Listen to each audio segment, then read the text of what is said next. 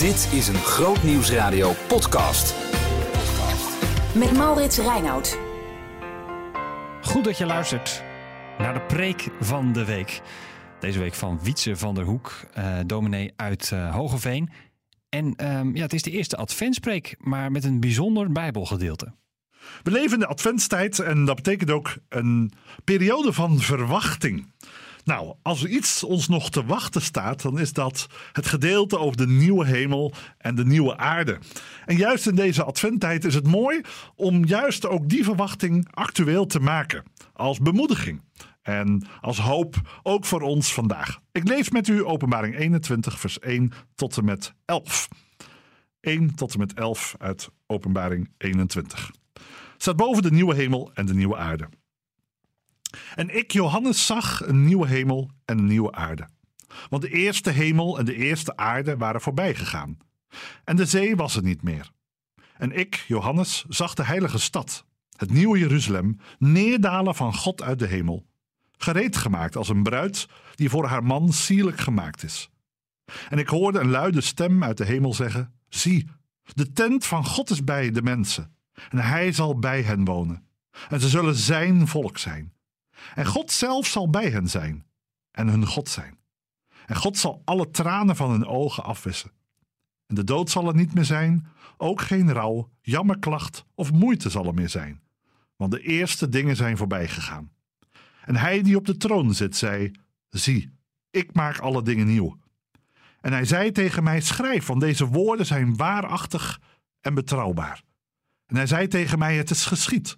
Ik ben de Alpha en de Omega het begin en het einde.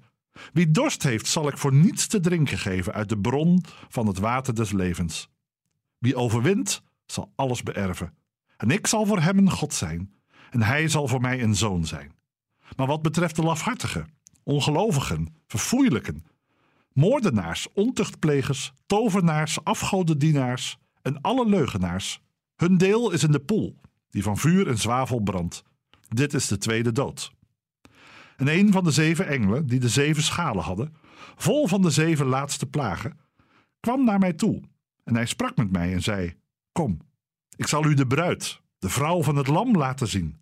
En hij voerde mij weg in de geest op een grote en hoge berg, en liet mij de grote stad zien, het heilige Jeruzalem, dat neerdaalde uit de hemel, bij God vandaan. Zij had de heerlijkheid van God, en haar uitstraling was als een zeer kostbare edelsteen als een kristalheldere steen jaspis. Lieve luisteraars, bij ons aan de muur thuis hangt een oud schilderij. Het is een stadsgezicht op Dordrecht. De stad waar ik ben opgegroeid en waar al mijn familie vandaan komt. En zoals bij ons in de familie gaat, de oudste stamhouder die ontvangt de spullen van de familie.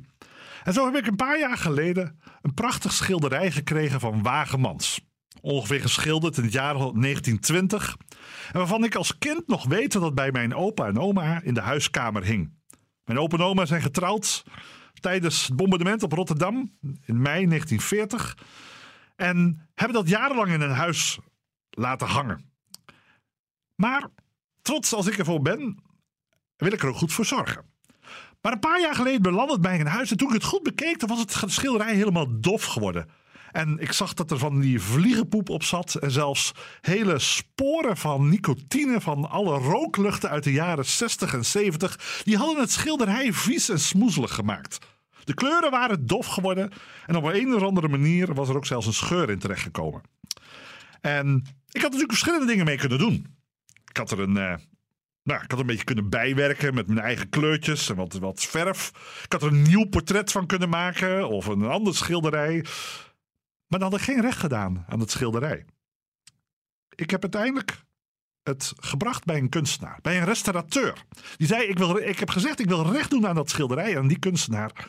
Het schilderij moet weer worden zoals het ooit bedoeld was. Kunt u mij helpen? En zo heeft het een enkele maand in een atelier gestaan en kreeg ik het schilderij weer terug. Prachtig. De oude de oude kleuren van de luchten boven Dordrecht, die waren bij mij in mijn beleving grijs geworden. En nu waren ze weer blauw. En de scheuren waren hersteld. De viezigheid was van het schilderij af. Ik was weer blij. Het schilderij hing erbij alsof het En het hangt er nog steeds zo bij alsof het net gemaakt was. Als we kijken naar het boek Openbaring, dan zien we datzelfde beeld van herstel, van restauratie en vernieuwing als het kijken naar de hemel en de aarde. Een aarde die door God ontworpen was.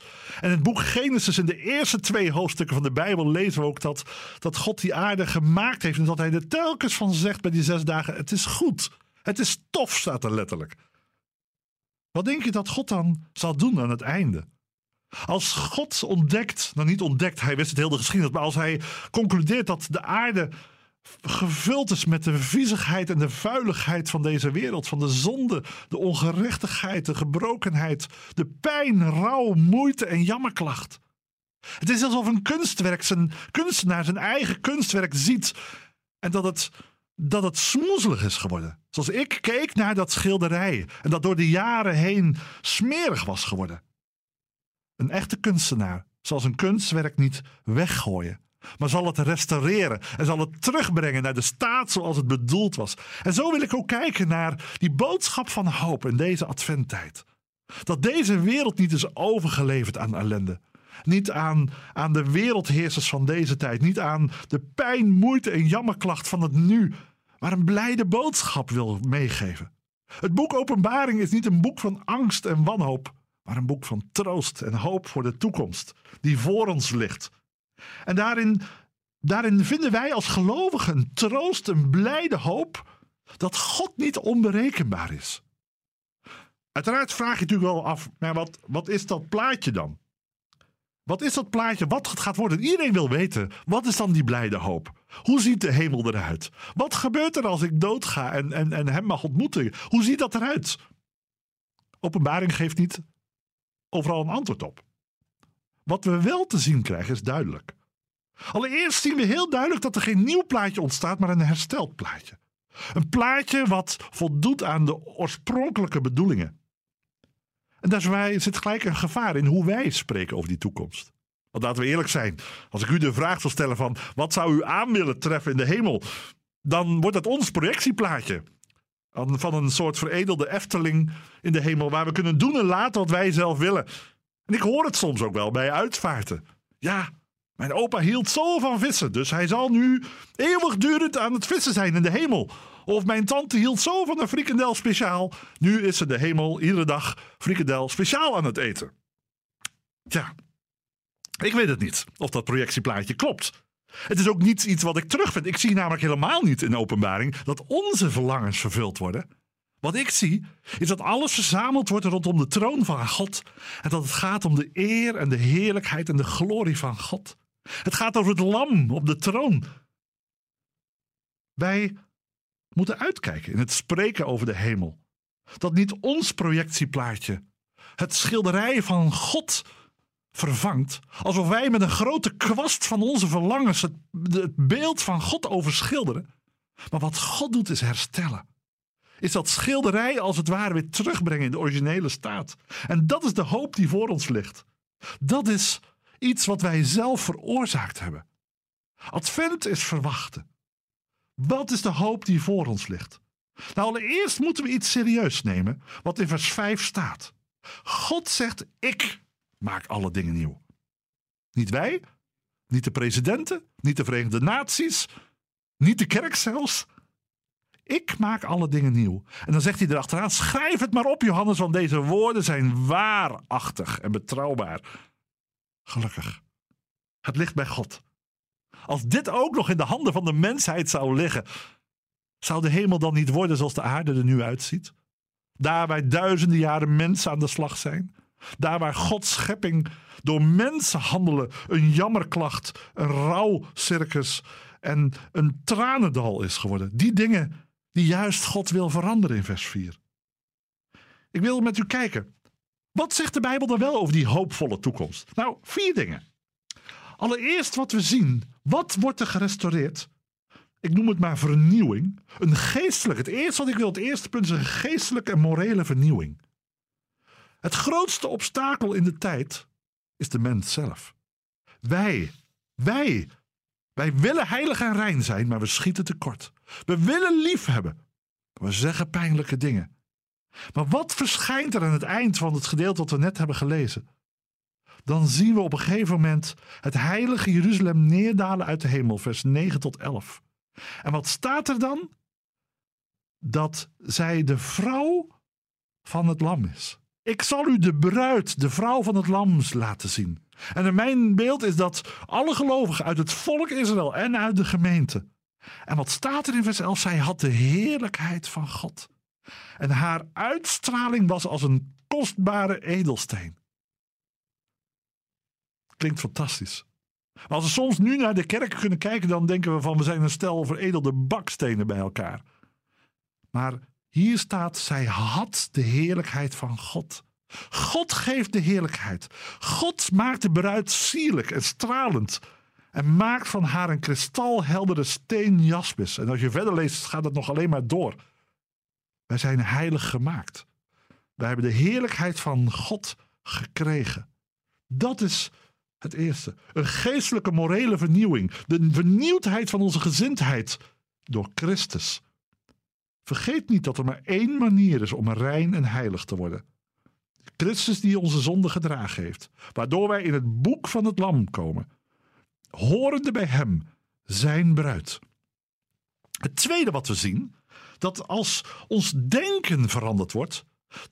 Als dat goede denken in een, in een, in een ziekelijk lichaam zit. Of in een lichaam wat, wat, wat de doodsheid in zich heeft gaat dat niet. In vers 4 zien we heel duidelijk staan dat God de tranen van hun ogen zal afwissen. Dat lichaam van tranen, de dood die gepakt wordt, de rouw die erop volgt, de jammerklacht en de moeite van het lichaam, ze zullen er niet meer zijn. Dus ook een lichamelijke vernieuwing zal zichtbaar worden. Ik citeer even Filippenzen 3, vers 20 en 21, waar staat dat ons burgerschap is in de hemelen waaruit wij ook de zaligmaker verwachten. Christus de Heer. En dan staat er die ons vernederd lichaam.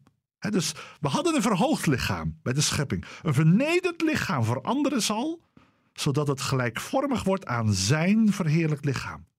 Dat is de hoop voor het lichaam. Ons vernederd lichaam wordt gelijk aan zijn verheerlijk lichaam.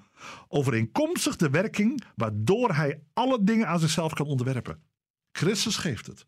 Dus geestelijk herstel, lichamelijk herstel. En vers 1 komt bij het derde punt ook een aardsherstel. Een nieuwe hemel en een nieuwe aarde, zien we vers 1. Want de eerste hemel en de eerste aarde waren voorbij gegaan. En in 2 Petrus 3 zien we ook meer dat, dat beeld nog van die schoonmaak, de reiniging door vuur louteren. En de zee was er ook niet meer, een beeld van de dood en van de onzekerheid. Vernieuwde geesten in een vernieuwd lichaam op een vernieuwde aarde. Dat is waar we thuis mogen komen. Dat is de plek waar vers 6 zegt: Wie dorst heeft, ik zal voor niets te drinken geven uit de bron van het water des levens.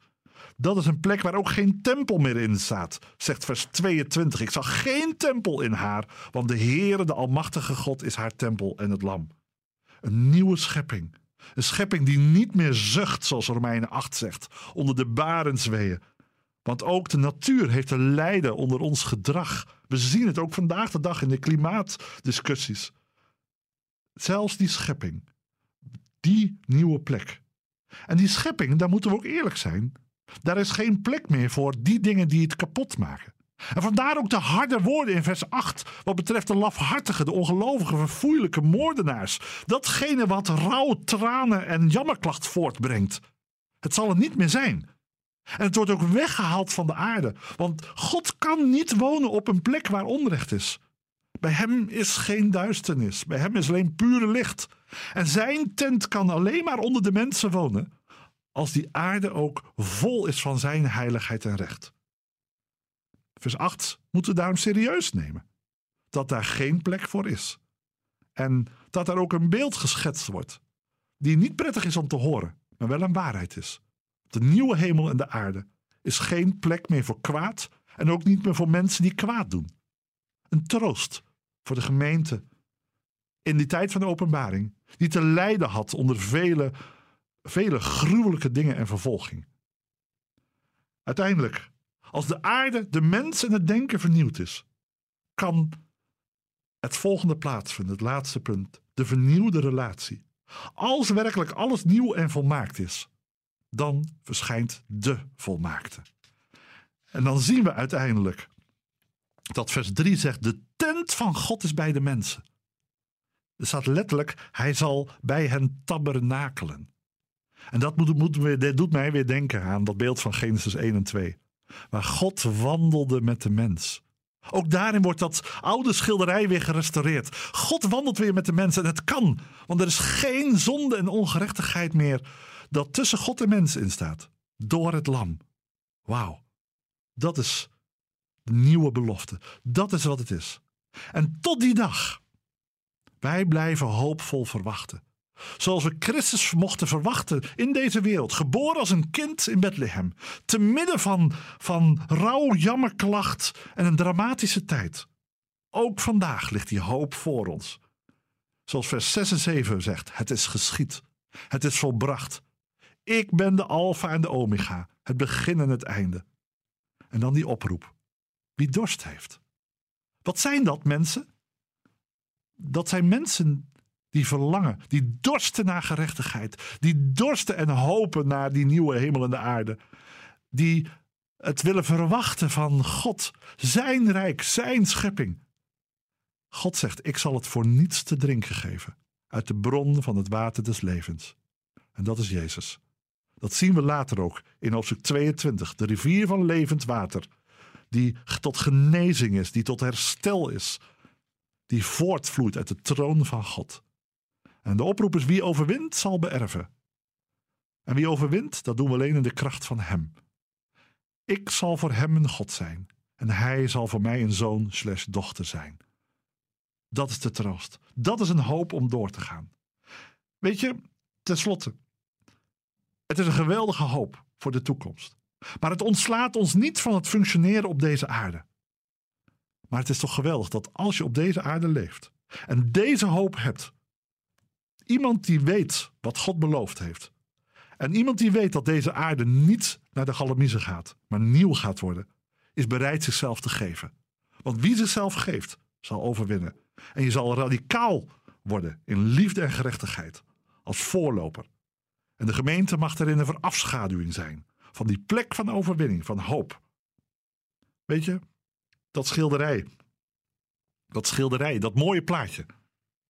Misschien is de gemeente je huisgezin, die plek waar die gerechtigheid al zichtbaar mag worden. Een plek waar schoonheid gezien en ervaren mag worden. Zo mag de gemeente een voorloper zijn en tegelijkertijd een vierder van hoop die in haar gelegd is. En ik wil je bemoedigen in deze tijd, in de donkere dagen van december, die komen gaan, waarin we het feest van het licht vieren. Het grootste licht is onder ons geschenen en het wijst ons de weg naar het licht dat altijd zal schijnen. Naar die plek waar God onder de mens zal zijn. En het nooit meer donker zal worden. Waar het altijd licht zal zijn. In vers, 1, in vers 23 staat, vers 22. En de stad heeft de zon en de maan niet nodig om haar te beschijnen. Want de heerlijkheid van God verlicht haar. En het, lamp, en het lam is haar lamp. Nou, als dat geen mooi kerstfeest kan worden straks. Een kerstfeest van een afschaduwing mag zijn. Strakjes zal het nooit meer donker zijn en altijd licht zijn. Hij is het licht van de wereld. Blijde hoop voor de toekomst. Wij mogen doorgaan. Geen stil maar wacht maar, maar hoopvol doorgaan. Vandaag, hier, op deze plek. We prijzen de Heer. Amen. Behoefte aan meer? Grootnieuwsradio.nl slash podcast.